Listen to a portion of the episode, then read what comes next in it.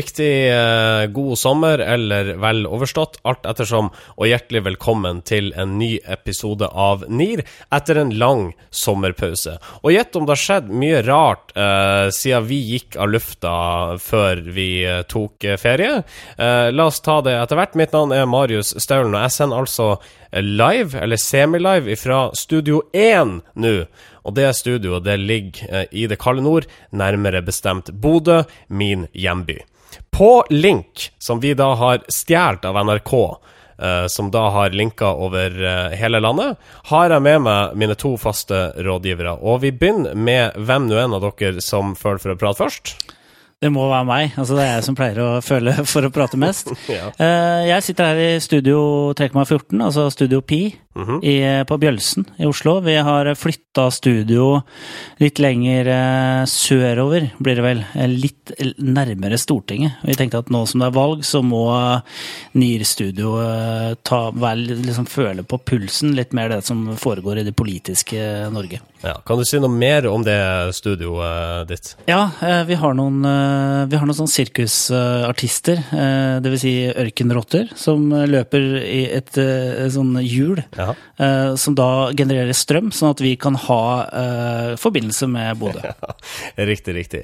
Eh, og på din eh, høyre, antar jeg?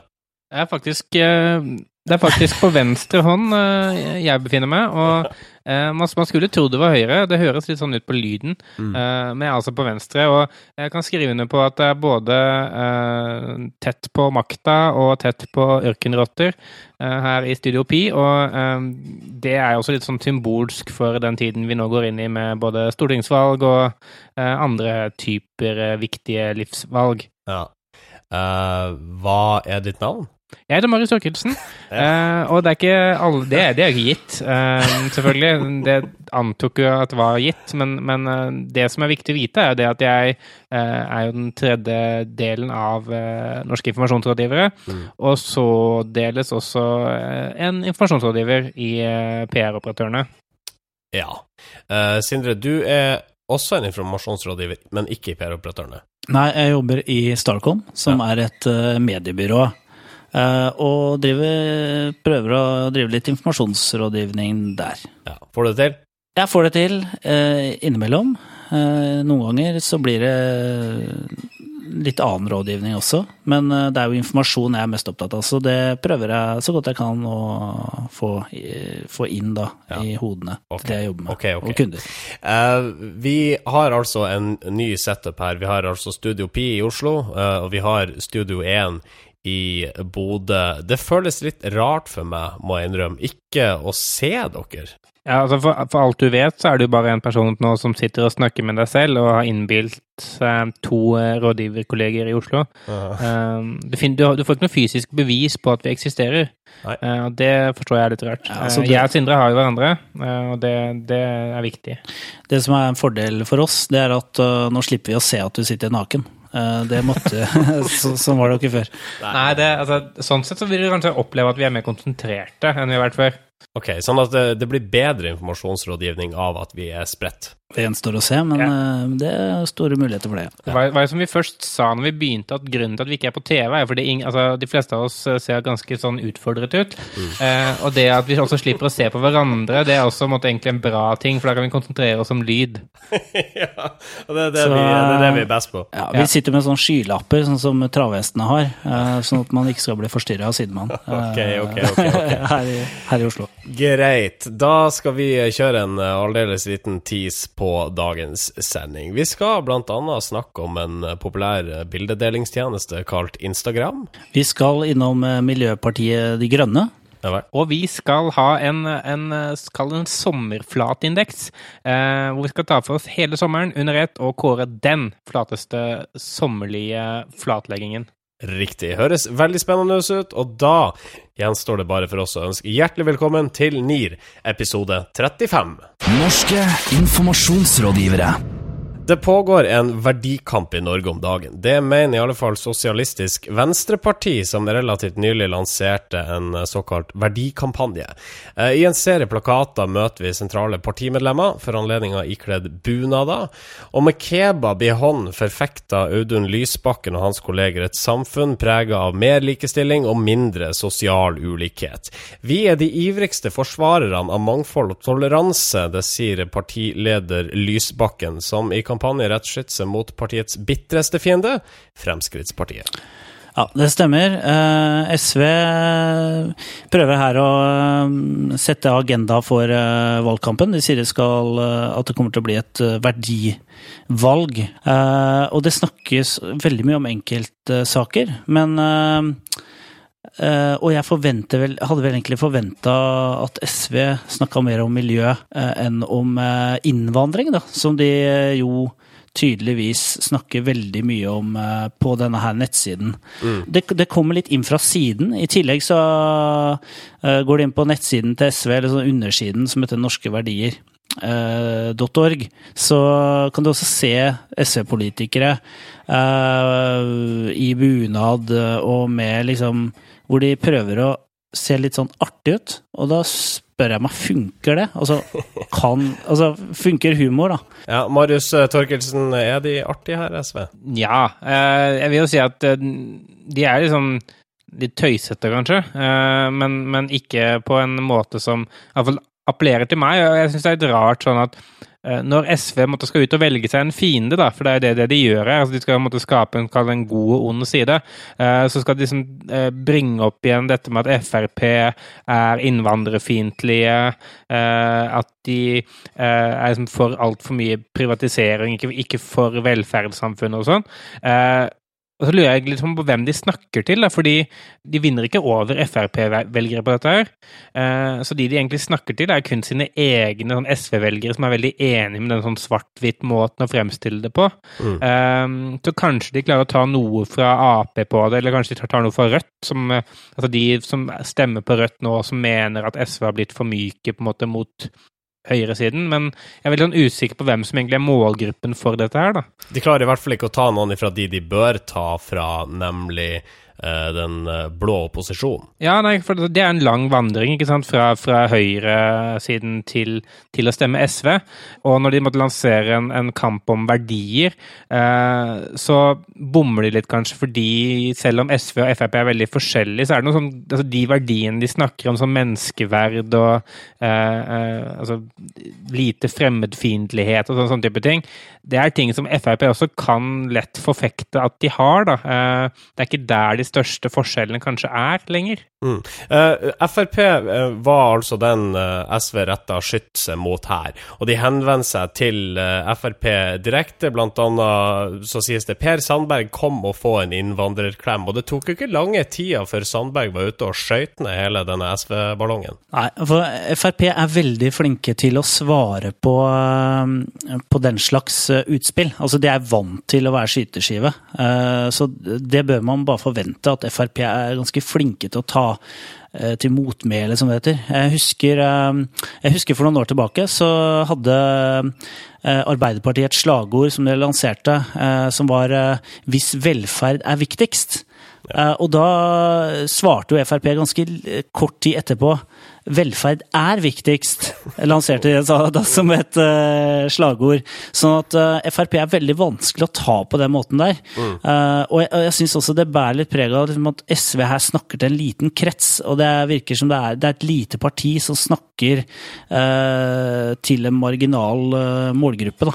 Mm. Altså, jeg, jeg, tror det at hvis man kårer en seier her, så er det ganske lett å se på Frp, fordi de fikk bare plutselig masse gratis oppmerksomhet uten å gjøre noen ting. Eh, fordi SV nettopp valgte å bruke dem. Da, og uh, Jeg husker jeg så Per Sandberg på, på nyhetskanalen neste morgen etter at de hadde lansert dette. og Han sa bare ja, vi må bare takke SV for all gratis reklame. Vi, altså, vi har ikke brukt en krone på dette, og får nå tilgang til masse medier for å snakke om vår politikk.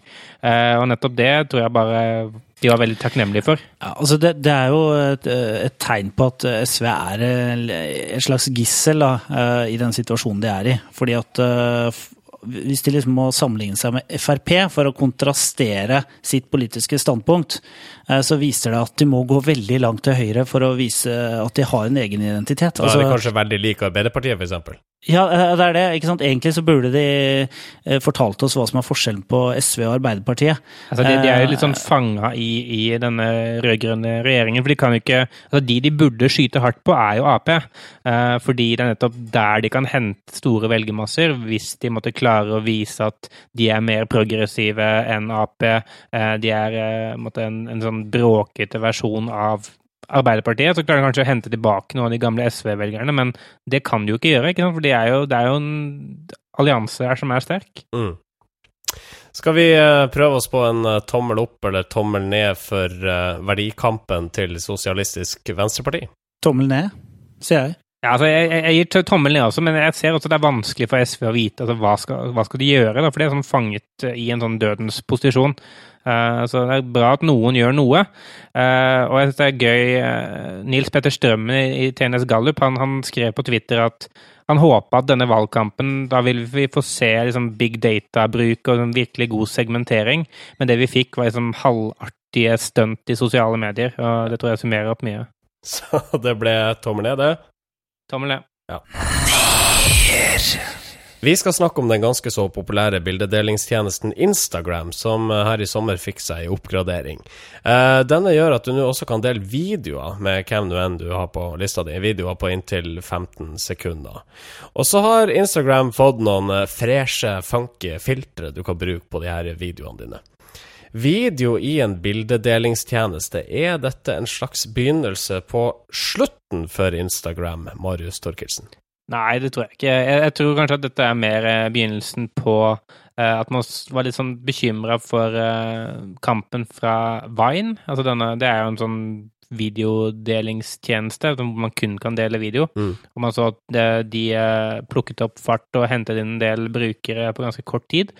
Eh, og så har jo da Instagram bare kunnet lagt til denne funksjonaliteten i appen sin for å kunne svare opp på de samme type eh, funksjonaliteten som man har i, i Vine. Så jeg tror at dette er bare et forsøk fra Instagram kanskje på å bevege seg fra å være kun bildetjeneste. Det blir mer sånn mediedeling. Eh, og det er klart også at siden de er eid av Facebook, så har jo eh, Facebook sannsynligvis en tanke om hvordan de kan innlemme Instagram enda tettere inn i deres univers, på en måte. Og da er jo eh, film noe, noe som Facebook også ønsker at skal bli en mye viktigere del av deres plattform. Mm. Altså, det er to trusler som jeg ser egentlig som Instagram har. Eh, Det er at de har eh, blitt kjøpt opp av Facebook og har flytta inn i lokalene deres, og er eh, en mygg, egentlig. Eh, Med tanke på at Facebook har mange mange tusen ansatte. Instagram har 60 eller noe. mm. Og har mye interessant ved seg som eh, Facebook har lyst på. Eh, Så Facebook har jo kjøpt opp tjenester eh, før og slukt de. eh, Og de har forsvunnet. Eh, Det er jo én ting. Eh, En annen ting er, som jeg er bekymra for, det er nettopp de her 15 sekunders eh, snuttene. Eh, Det krever en del for å lage interessant innhold eh, på 15 sekunder. 15 sekunder er en halv reklamespott på TV. Eh, og de aller, aller fleste mestrer ikke det formatet. Og jeg føler sånn når jeg ja, Beklager alle følgere på Eller alle som jeg følger på Instagram. Eh, Men eh, jeg føler at de aller, aller fleste ikke mestrer det formatet, og det er altfor mye dårlig innhold. Så de aller fleste av dine venner lager rett og slett bare dritt? Ja, eh, på video så gjør de det, dessverre. Mm. Eh, Men eh, altså, jeg var på Muse-konsert i sommer, og da, da var det sikkert eh, 2000 mennesker som hoppa opp og ned eh, dritings mens de lagde Instagram-filmer. Ja. Og det er ikke bra innhold. Ja, men altså, man må jo eksponeres for, for det. ikke sant? Altså, man, man, klarer ikke å lære seg det med mindre man faktisk begynner, eh, å benytte det. Eh, Så det kan jo hende at eh, i starten vil det jo være veldig mye dritt, men, men på, på lang sikt så vil jo man se måte, at folk kanskje lærer av hverandre, for man ser at de som har godt innhold, vil bli løfta fram eh, og få mye følgere, så kanskje det vil spre seg videre.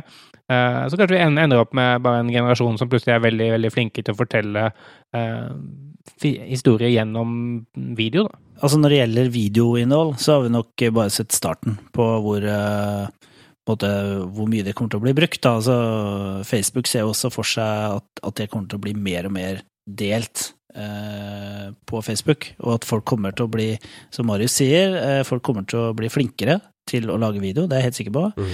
Eh, Samtidig så tror jeg også tjenestene i appen kommer til å utvikle seg. Altså jeg tror det skal kunne gå an å lage introer, eh, rulletekster, eh, altså, Effekter. effekter og så videre, som kan gjøre det morsommere. Da. For, men akkurat nå så syns jeg det er Jeg bare føler at livet renner ut i sanden når jeg ser en sånn Nå er jeg tre, fire sekunder inne i en uh, Instagram-video. Sånn. Du bruker ikke Instagram så veldig ofte, da, med andre ord? Ja, men jeg hopper over det videoene. Ja. Jeg ser på bilder, stort sett. Ja. Skal vi eh, prøve oss på en tommel opp eller tommel ned for video-insta? Jeg er tommel opp. Tommel ned. Norske informasjonsrådgivere. Mer politikk i NIR nå, det er da tross alt eh, valg snart. Miljøpartiet De Grønne har et ørlite håp om å kapre en plass, eller kanskje to, på Stortinget. Skulle det skje i september, er det i så fall første gang. Partiet som vil avvikle oljenæringa innen 20 år, forby pelsdyroppdrett og gi amnesti til flyktninger som har vært i landet i mer enn fem år, er i vind om dagen, skal vi tro Aftenposten. Ja, eh, det er, er de uten tvil. Altså de eh, Det er mange som har lyst til å velge de. Ja, hvorfor det? Jo, men vi ser jo også De har fått eh, en liten omvei først her. For vi ser jo også at de har fått veldig mye oppmerksomhet eh, i de her valgomatene som mediene har. Ja. For der ser jeg mange venner av meg som ser at Oi, jeg skal visst stemme Miljøpartiet De Grønne, jeg. Ja, ja, men det er ikke bare vennene til Sindre. fordi på valgomaten til Aftenposten, så når man har tatt den, så ser man også eh, hva folk flest har landet på. Man får på en en sånn prosentvis fordeling på de ulike partiene. Eh, og der er Miljøpartiet De Grønne det fjerde største partiet, eh, med 13 av stemmene. Ja. Eh, som betyr at de annet er større enn Ap eh, på eh, valgomaten til Aftenposten. Eh, og så kan man ta de tingene med en, en klype salt, selvfølgelig, eh, og en, en sitron, kanskje. Mm. Men, men det er jo interessant at de har tidligvis veldig mange sånne enkle meninger som folk kan forholde seg til, på en måte, da. Ja, Hvilke meninger er det vi snakker om? At, altså, hvilke meninger er det Miljøpartiet De Grønne har eh, nådd frem hos folk hos, tror vi, for vi er ikke politikere? Jeg er ganske sikker på at det handler om miljøsaken. Eh, For det har skjedd Jeg tror eh, det siste året så har, eh, har nok majoriteten i befolkningen blitt overbevist om at det er menneskeskapte klimaendringer der eh, her ute og her hjemme som man ønsker å gjøre noe med. Og Miljøpartiet De Grønne fungerer bra som et protestparti, tror jeg. Fordi eh, mange ser ikke noe annet alternativt eh, miljøparti. Altså de ser ikke en opposisjon mot, den, mot oljeutvinning osv. Selv om både Venstre og, mm, og SV har flagga miljøvennlige standpunkt, så tror jeg mange er usikre på om de kan stole på dem, rett og slett når de kommer i regjering. Ja, for særlig SV har jo et problem ved at de sitter i ei regjering ledet av Arbeiderpartiet, som ennå ikke har tatt standpunkt i oljeutvinningssaken i nordområdene. Ja, de har utsatt eh, å konsekvensutrede Lofoten, eh, men alle vet jo at eh, det er liksom oljeindustrien som er lokomotivet i norsk økonomi, og eh, Arbeiderpartiet er et eh, parti som eh, fronter seg selv som ansvarlig og opptatt av økonomi. Eh, Og det er en stor del av politikerne i Arbeiderpartiet som har lyst til å åpne opp for oljeutvinning. Så Miljøpartiet De Grønne har, kan gjøre et veldig, veldig bra valg. Men de har jo samtidig en del andre saker eh, i sitt valgprogram som kan gjøre det vanskeligere for dem. Hvilke saker da? Nei, for eksempel uh, de, eh, Det er jo de er også en narkotikapolitikk som er veldig liberal. Eh, De ønsker for eksempel eh, at det offentlige skal selge, mm, selge narkotika, altså sterkere og, og mindre sterke stoffer. Ja, for utrede det. I hvert fall utrede det. Eh, Det er i hvert fall snakk om å utrede det. Eh, Og det er litt sånn derre eh, Den narkotikapolitikken eh, er jo noe Miljøpartiet De Grønne har vært kjent for eh, tidligere. Og er litt sånn Og og gjør at de har hatt et litt sånn stempel som et useriøst parti. Så spørsmålet er om de klarer å holde på måte, fokus på de vinnersakene sine, eller om de kommer til å snakke mye om eh, andre saksområder hvor de ikke har så stor troverdighet, eller kanskje har like stort gjennomslag. Mm. det, altså, mange tror nok kanskje at Miljøpartiet De Grønne er liksom, at navnet er liksom smør på flesk, altså både Miljøpartiet og De Grønne, men De Grønne henviser selvfølgelig til hasj.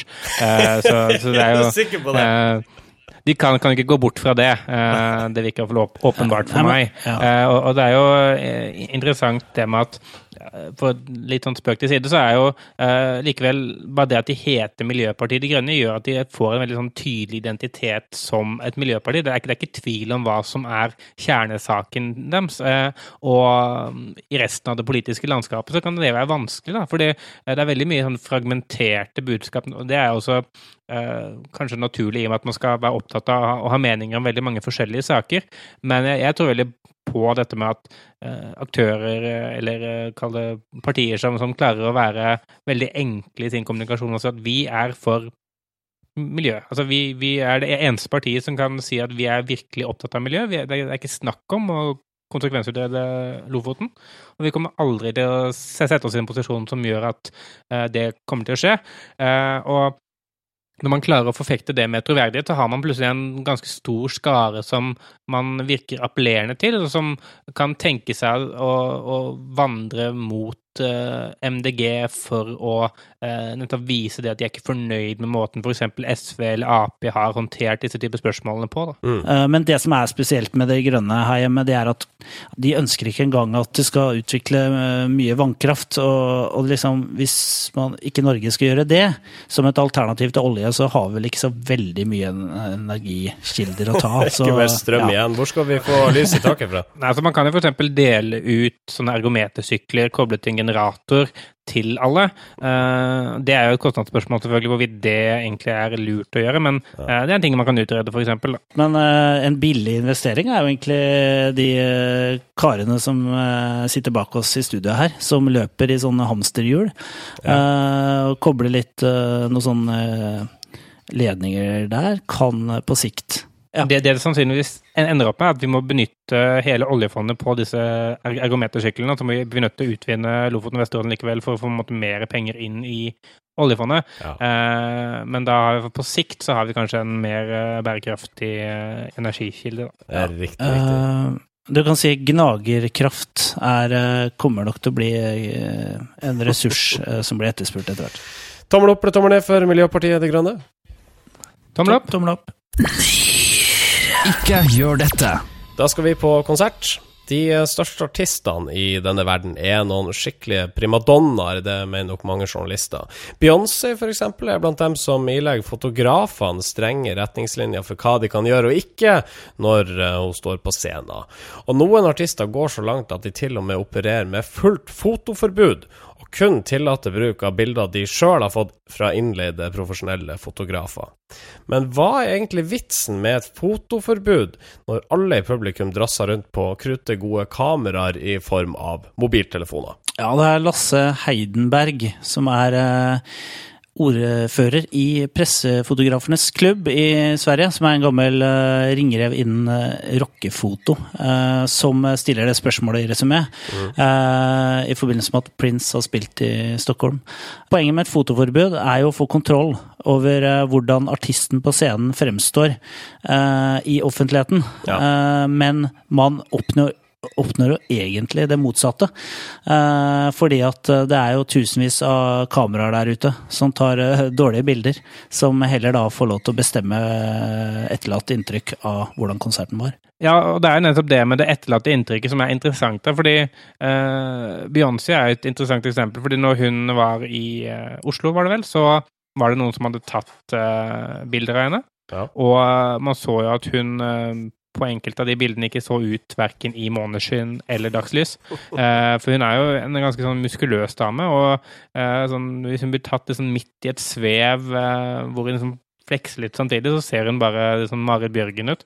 Eh, og, og det var ikke den type bilder hun ønska skulle komme ut, tror jeg. Hvilken type bilder ønsker hun? Nei, mer sånn eh, feminine, kurvfulle Beyoncé Mm. eh, med flagrende hår. Eh, og det får man vel egentlig kun av profesjonelle fotografer.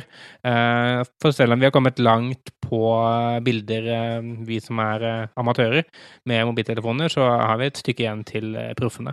Ja, og det media gjør når de ikke får lov til å ta bilder, så trykker det heller leserbilder. Men hva er galt med å bruke de bildene som profesjonelle fotografer har tatt, da? Er, det er fordi eh, altså, foto som eh, redaksjonell tekst er jo altså, redaksjonelt materiale. Mm -hmm. så mange journalister vil jo føle at det blir som om noen skulle bare sende med en pressemelding med noen de skulle trykke. At de måtte foretrekker å få muligheten til å legge sin egen vinkling på det, både fysisk, men også sånn i overført redaksjonell betydning, også når mm. det kommer til foto. Så de vil forbeholde seg retten til å eh, pushe bilder der eh, Beyoncé ser ut som Marit Bjørgen, hvis de ønsker det. Ja, det og, og veldig ofte så ønsker de jo ikke det. For de ønsker jo og, De ønsker at fansen skal like å lese avisa etterpå. Eller eh, anmeldelsen. Sånn at de gjør jo sjelden uh, trykker de, Det er veldig sjelden de liksom trykker de verste bildene, for det er også et statement om hva de mener om artisten, sånn implisitt. Eh, så det gjør de jo veldig sjeldent. Men det er klart, altså et, et sånt presseopplegg rundt en artist på turné er så utrolig gjennomkontrollert. Altså, management eh, kan eh, instruere journalistene nesten på hva de skal spørre om og ikke spørre om. Eh, Så, så liksom, konsertene er jo det eneste fristedet, på en måte, der det er jo en offentlighet, en, artist, er en konsert, eh, og det bør jo egentlig en artist forstå.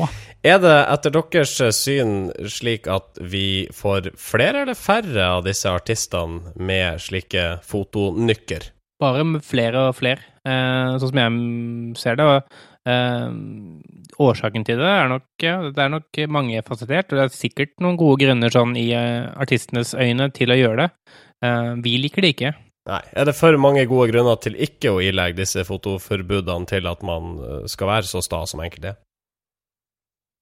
Ja, det vil vi si. det var en virkelig engasjert Det var litt sånn komplisert spørsmål. Ja, det var, veldig sånn, var, var- det Et sånn sånn- dobbel nekting der, eller hvordan, hvordan ble det? Men eh, i hvert fall eh, konklusjonen vår, da, for jeg er den som konkluderer ofte, og det er jo egentlig ikke gjør dette. Ja, det har du rett i. Det her er ikke gjør dette-spalta. Det har jeg glemt av igjen. Ja, ja. ja, ja, ja. Så ikke gjør dette, da. Nei, ikke gjør det. Ikke gjør det. Norske informasjonsrådgivere. Det har vært en lang sommer, og nå skal den oppsummeres i den faste spalten Flatindeksen. Yes, endelig er vi tilbake med eh, kåringen av eh, Norges flateste virksomhet, pensjonist, barn og eh, aspirerende stortingspolitikere. Eh, alle eh, blir tatt med i denne spalten, og det, eh, det vi jo prøver på, er å sette litt lys på hvor mange det er som egentlig bruker det å legge seg flat som grep når de gjør noe galt, eh, eller når noe galt skjer eh, som de har skylden for. Ja, altså det er jo sånn Det er jo ofte litt sånn kall for kampanjejournalistikk når, når eh, media liksom eh, kaster seg etter en eh, person eller institusjon som har gjort noe galt. Så jakter de den personen ned helt til den legger seg helt flat og stille og later som han er død. Da uh, gir de seg. Det er nesten en eller annen sånn primitiv kamp som foregår. Vi er nede på animalsk nivå, hvis det er lov å si. Ja, det er, det er jo et grep som er veldig sånn, velkjent i hundenes verden, blant annet, hvor hunder måtte legge seg flat som et tegn på underkastelse. Mm. Eh, og dette er jo ja, en ganske sterk parallell, da. Ja. Hvor mange er det som har lagt seg flat i løpet av sommeren? Det må være en ny rekord, og det er kanskje ikke så rart siden vi har måttet hatt halvannen måned eh, framfor bare én måned. Men jeg har fått 48 eh, flatlegginger i løpet- løpet av sommeren. Det er ganske mye. Det er veldig mye. Eh, jeg tror sommertid er litt sånn høysesong for eh, flatlegging. Ja. Kan det ha noe med at folk er litt mindre utholdende i sommervarmen? At man liksom sier åh, ja, nei, jeg orker ikke å argumentere mer mot det. Gir meg. ja, det var min meg skyld. flat. Ja, ja. orker ikke. Ok, skal vi få en tredjeplass her først? Eh, ja, på, på tredjeplass må vi ut av landet, eh, og der må vi til eh, mannen med det treffende navnet Anthony Weiner, eh, som er altså en kong kongressmann i USA som igjen har vært ute og vifta med eh, Wieneren. Eh, han har jo før vært i hardt vær fordi han har sendt nakenbilder av seg selv til diverse kvinns. Eh, Mhm. og nå Og den gangen da han seg flat og sier at det skal man selvfølgelig ikke gjøre, jeg beklager, jeg beklager det, jeg er en kongressmann, eh, så sånt gjør, gjør man ikke. Eh, og nå har han gjort det igjen. Eh, så han eh, la seg jo flat igjen, men nå tror jeg kanskje at man begynner å bli litt lei av han sånn i det republikanske partiet. Eh, han, han stiller jo til valg som eh, ordfører i New York. Ja. Eh, så eh, det er jo ekstra eh, viktig på en måte, og kanskje unyttig å legge seg flat. fordi eh, det er jo ganske mye folk som har spytta i penger for at han skal bli valgt. Eh, Så det å legge seg flat er vel det minste han kan gjøre. Eh, Han bør vel snart begynne å eh, Hva skal jeg si? Eh, Trekke seg. ja, eh, drikke saltvann på bunnen av Brooklyn eh, et eller annet river. Hudson River, den heter. Det er rett og slett en dårlig kvalitet uh, for en borgermester å vise uh, penis til uh, tilfeldige kvinnfolk. Yes. På en andreplass Der finner vi politiet i Meløy. Eh, og de står egentlig bak denne saken som førte til eh, overskriften 'Stian 20 ble feilaktig siktet i narkosak'. Eh, og det er kanskje mange som har fått litt sånn urovekkende telefoner noen ganger når man er på ferie, men det som Stian 20 år fikk, han fikk en telefon fra politiet i Meløy, hvor politiet nå skulle ha en razzia i leiligheten hans fordi han var sikta i en narkosak. Det viste seg litt senere at det var feil person. Eh, han hadde ingenting med den narkosaken å gjøre.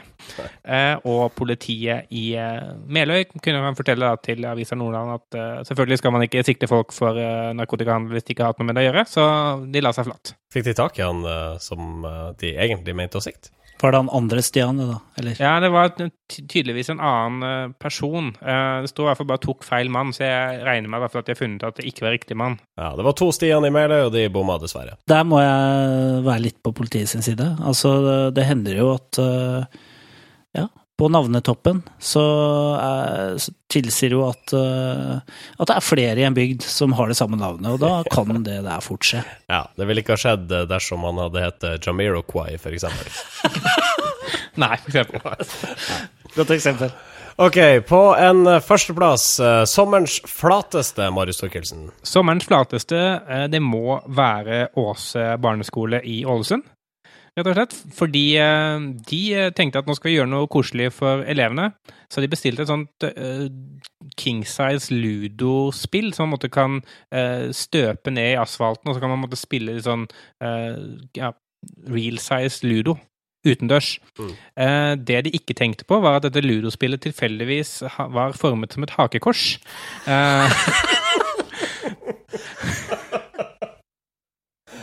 Så okay, når man eh, kun har Ja, altså, fordi et, et, et ludospill kan jo ligne litt på et hakekors, men ofte så har, har de en ramme rundt uh, selve måtte, den, den veien man, man skal gå, Ja. så man ser det ikke. Uh, når man kun bestiller liksom da fargene, og ikke den ramma rundt, så blir det veldig, veldig tydelig et hakekors. Uh, og dette er nå støpt ned i asfalten på Åse barneskole, og man får ikke fjerna det hele med, med det første, visstnok. Eh, så rektor eh, Vigdis Rønning hun, eh, hun legger seg flat og sier at selvfølgelig skal man ikke ha eh, ludobrettspill forma som hakekors i en eh, barneskolegård. Eh, og de håper at eh, det firmaet som har støpt det ned, kanskje kunne komme og male noe rundt eller noe, så det ikke ble så tydelig. Men hvis Ja. du går- inn på SMP, altså sunnmørsposten.no, så er det et fantastisk bilde der av dette hakekorset. Eh, tusen hjertelig takk for oppdateringa. 48 flatlegginger i sommer, var det så å forstå? Ja, så um, altså, august og september må bare bli en nedtur for dette her, men det er kanskje også bra. Ukas kudos. Kudosen denne uka går til Facebook-sida Ilandsproblem. Hva i alle dager er det for noe rart? Ilandsproblem er en litt sånn uh, morsom uh, Facebook-side eh, som bedriver en litt sånn interessant form for, kall det mediekritikk.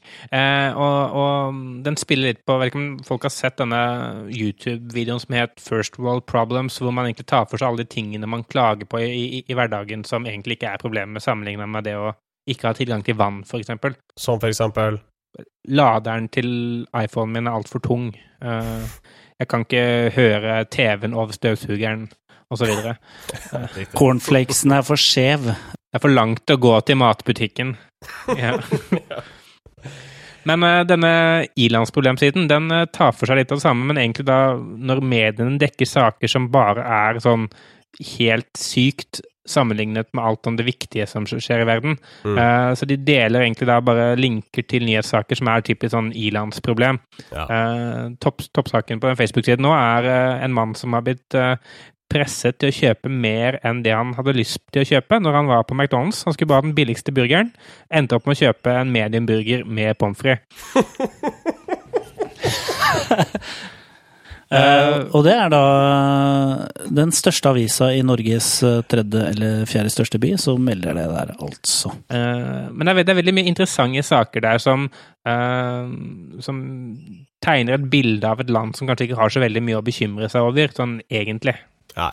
Jeg ser jo han eh, Magnar Bolstad, han eh, er jo også eh, omtalt på denne Facebook-sida, for han fikk nemlig valgkort på bokmål, og det er Sogn Avis som melder det. Og jeg tipper han er en nynorskmann, da, som fikk eh, Ja, det- valgkort på et språk han rett og slett ikke forstår. ja. Akkompagnert av et bilde hvor han ser litt sånn stusslig ut i shorts og piké. ja. Ah, virkelig problem der. Eh, velfortjent kudos. Eh, Du kan få gjenta eh, navnet til denne Facebook-sida, så våre venner på Facebook kan få søkt den opp. Ja, altså ilandsproblem i bindestrek landsproblem, eh, eller bare facebook.com slash ilandsproblem et ord. Vi går videre. Men vi går ikke lenger enn til slutten, for dagens sending er nemlig over. Den første for NIR-gutta etter sommeren. Og fra Studio Pi, eller i Studio Pi, hvordan er stemninga der borte akkurat nå? Nei, Det er ganske bra. Det er, det er liksom i, i uromomenter her òg. For det Ja. var sånn ørk, ørkenrotten her som jeg mistenker å være litt sånn David Copperfield, eh, eller hva det heter for noe. Eh, eh, illusjonister. Eh, fordi plutselig så er de ute av buret. Eh, så jeg må løpe etter dem.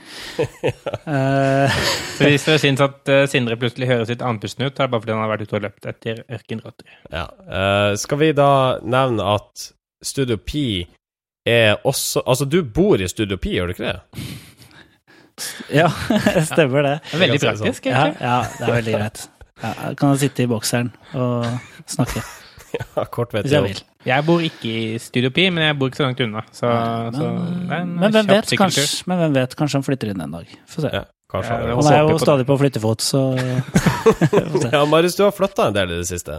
Altså, jeg har bare flytta én gang uh, i den siste måneden, uh, og det var for så vidt nok, det. Uh, Ja. Men Det var en veldig lang flytting. Altså, er du sånn ja, altså, Skulle tro du hadde riggen til liksom Kiss eller noe. Eh, som du måtte installere på treroms eller et eller annet.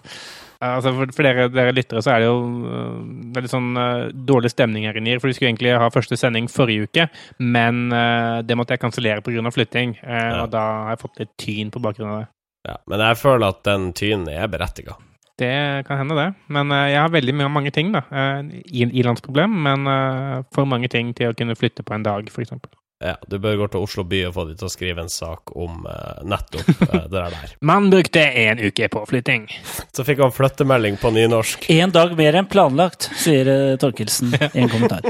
Måtte utsette podkast. Ja.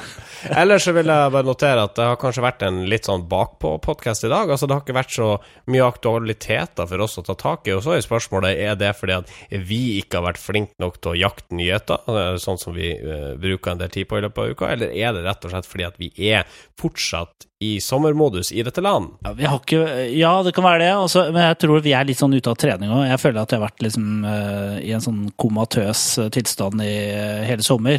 Ja. Uh, så det tar liksom tid å få opp pulsen og komme, liksom, ja, komme i, i det virkelige liv. Da, og ta Ja. inn over seg at det faktisk skjer noe rundt, rundt oss. Vi vet jo f.eks. at det har vært masse diskusjon om kongefamilien og kjoler og Vi kunne jo snakka om det hele sendinga. Ja, vi, altså, vi kunne det. Men det er vel en måned siden det òg, kanskje?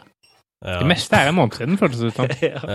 Men, men altså, vi, vi kommer til å bli mer aktuelle. Vi kommer til å dypdykke ned i kampanje.com selvfølgelig etter denne sendinga, og Ja. trekke med oss alt av nyheter derfra.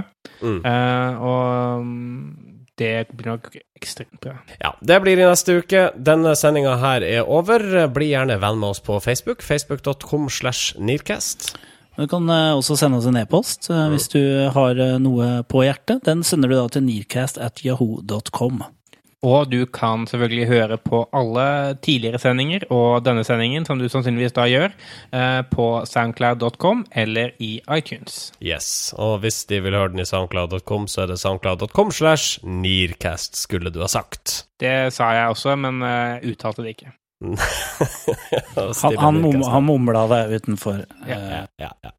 Mitt navn er Marius Stølen. Sindre Holme. Marius Torkelsen. Vi ønsker dere alle en fortreffelig dag. Norske informasjonsrådgivere.